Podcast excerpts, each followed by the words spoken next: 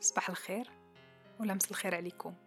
فين ما كنتو وشنو ما كنتو كديروا مرحبا بكم معنا في حلقة جديدة من بودكاست مع انتصار. من خلال المهنة ديالي كأخصائية نفسية العمل ديالي كيخليني نسمع بزاف ديال القصص. مع الوقت هذا الأمر وصلني أنني نشوف أنه وراء كل مشكل ممكن يمر منه كل واحد فينا. تقدر تكون خبايا كتيرة ما كنكونوش شايفينها. في بعض الأحيان نقدروا نكونوا سجناء. القصة قديمة ما قدرناش نتخطوها وفي أوقات أخرى كيغيب علينا الفهم ديال بعض الأحداث كنبغيو نغيروها ولكن ما كنعرفوش. من خلال هذا البودكاست الهدف غيكون أننا نغوص في أعماق مشاكل ممكن تواجه كل واحد منا. نفهمو ونوعو أن المشاكل اللي كنواجهوها في الحياة كتكون مجرد إشارات. إشارات كتدعونا للتغيير لتصحيح الأمور المبنية على أخطاء متراكمة. البودكاست ديال اليوم غيكون إجابة لشاب كيعاني من خوف كبير من فكرة الزواج. نستمعوا للرسالة الصوتية اللي بعثنا بها ونرجعوا من بعد باش نتكلموا على الموضوع.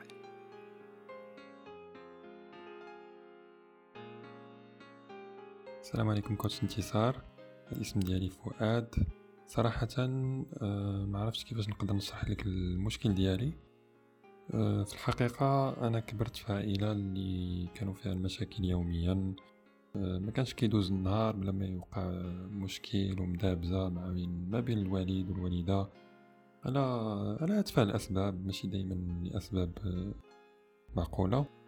كنا كندوزو كل نهار بالصداع والمشاكل. الإشكال اللي عندي هو أنه هاد القضية هادي طرح لي اليوم مشكل اللي مخليني متخوف بزاف من الفكرة ديال الزواج. الصراحة واخا فاهم أن المشكل ديالي جاي من الصغر واخا فاهم كذلك أنه راه هاد المشكل راه ماشي الأزواج كاملين غيعيشوا وماشي بالضرورة نعيش أنا في الأسرة ديالي ولا في العائلة ديالي نفس الإشكال اللي كنت عشتو مع مع عائلتي. ولكن اليومنا هذا ما قدرش نتغلب على الخوف فكنتمنى تساعديني وشكرا.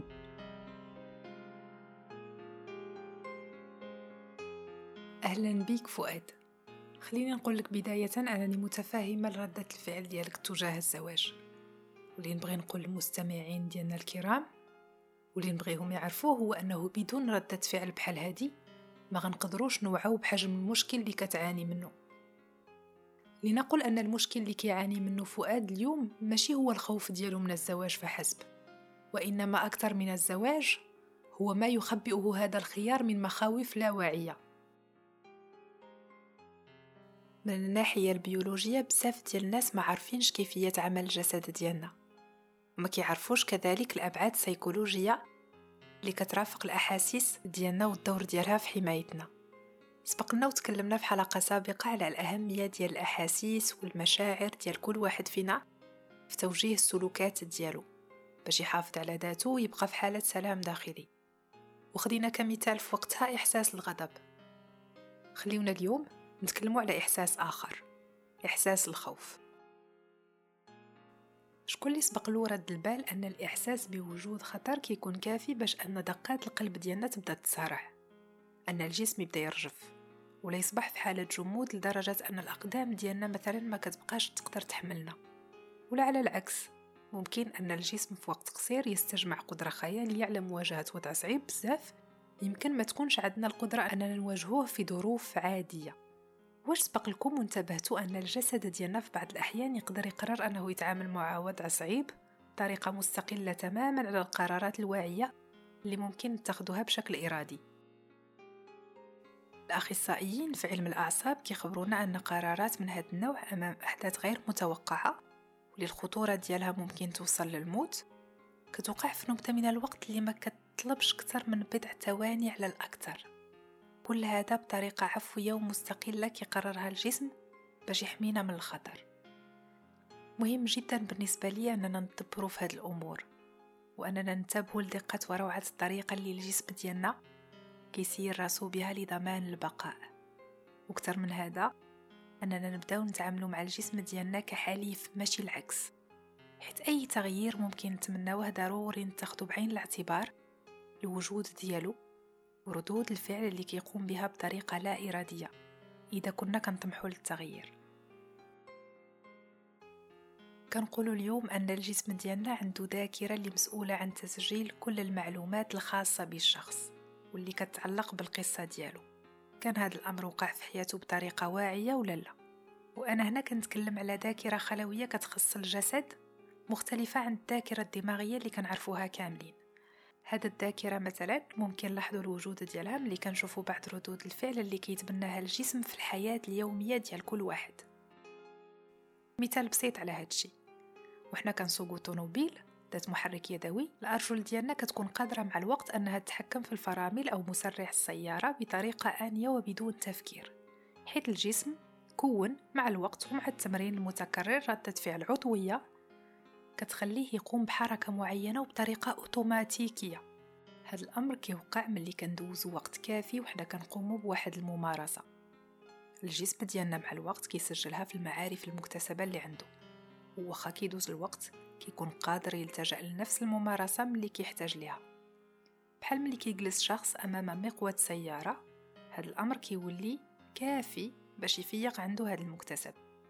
وخا كيكون دوز وقت طويل بدون سياقة وهذه المسألة كتبان ملي السائق مثلا كيضطر يستعمل سيارة أخرى. كانت يدوية ولا أوتوماتيكية كنلقاو أن الأرجل ديالنا عندها صعوبة في التأقلم في البداية مع الوضع الجديد حيث إيقاع كل سيارة كيكون مختلف.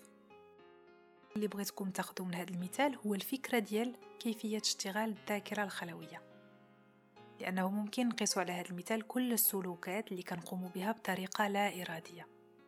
اللي ضروري نفهموه هو أنه شحال ما زادت شدة المشاعر والأحاسيس اللي كتكون مرافقة. الوقت اللي تعلمنا فيه. ممارسة معينة. شحال ما ولا صعيب علينا أننا نتخلصوا منها. اللي مهم نعرفوه هو أن السلوكات ديالنا اللا إرادية تقدر تكون واعية كيف ما تقدر تكون لا واعية. في الحالة ديال فؤاد مثلا حنا أمام شخص واعي بالسلوكات ديالو.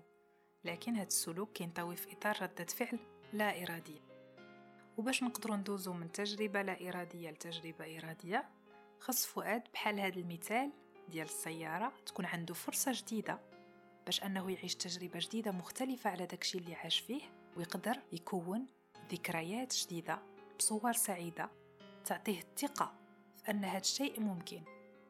غير هو مع الأسف هذا الشيء كيتطلب أنه قبل يقدر يتخطى الخوف ديالو ويقرر يجرب تجربة الزواج. غير في هذه الحالة ديالو الأمر صعيب شوية حيث الأمر كيشكل مخاطرة كبيرة بالنسبة ليه. ما غاديش ممكن الفؤاد أنه يتزوج غير باش يجرب. ملي كنكبروا في محيط مليء بالمشاكل واللي فيه المشاكل كتولي معلومة حاضرة بشكل مستمر على أتفه الأسباب الجسم كيضطر يتعود يكون دائما في حالة تأهب مستمرة وقصوى.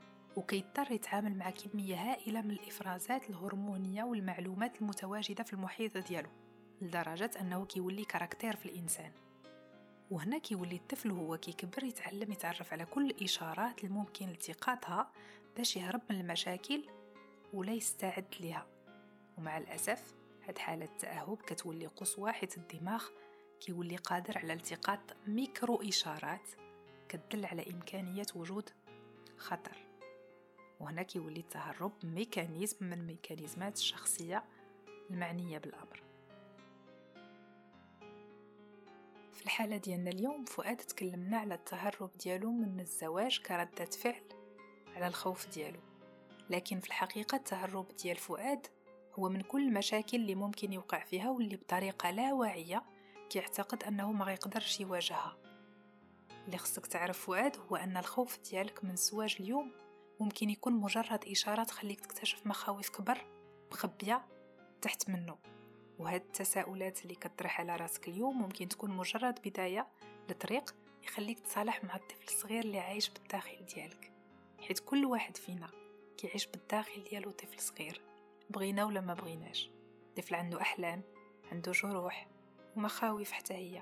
هذا الطفل يقدر يكون بقى مسجون في سن معين من الحياة ديالو وما قدرش يتحرر. المطلوب منك إذن هو أنك تنتبه على هذا الطفل. تشوف الحاجيات ديالو. تستمع للذكريات ديالو المؤلمة اللي مازال كيعاني منها. الدور ديالك غيكون هو أنك تفهمه تحميه وتعمل اختيارات في الحياة على انسجام مع الوجود ديالو. إذا كان هذا الطفل خايف من فكرة الزواج فيمكن أن الأمر ممكن يتسنى شوية. وأن الأولوية ديالك اليوم هي أنك تعطيه الدعم الكافي باش يقدر يتصالح مع الأشياء اللي كتخوفه في الحياة.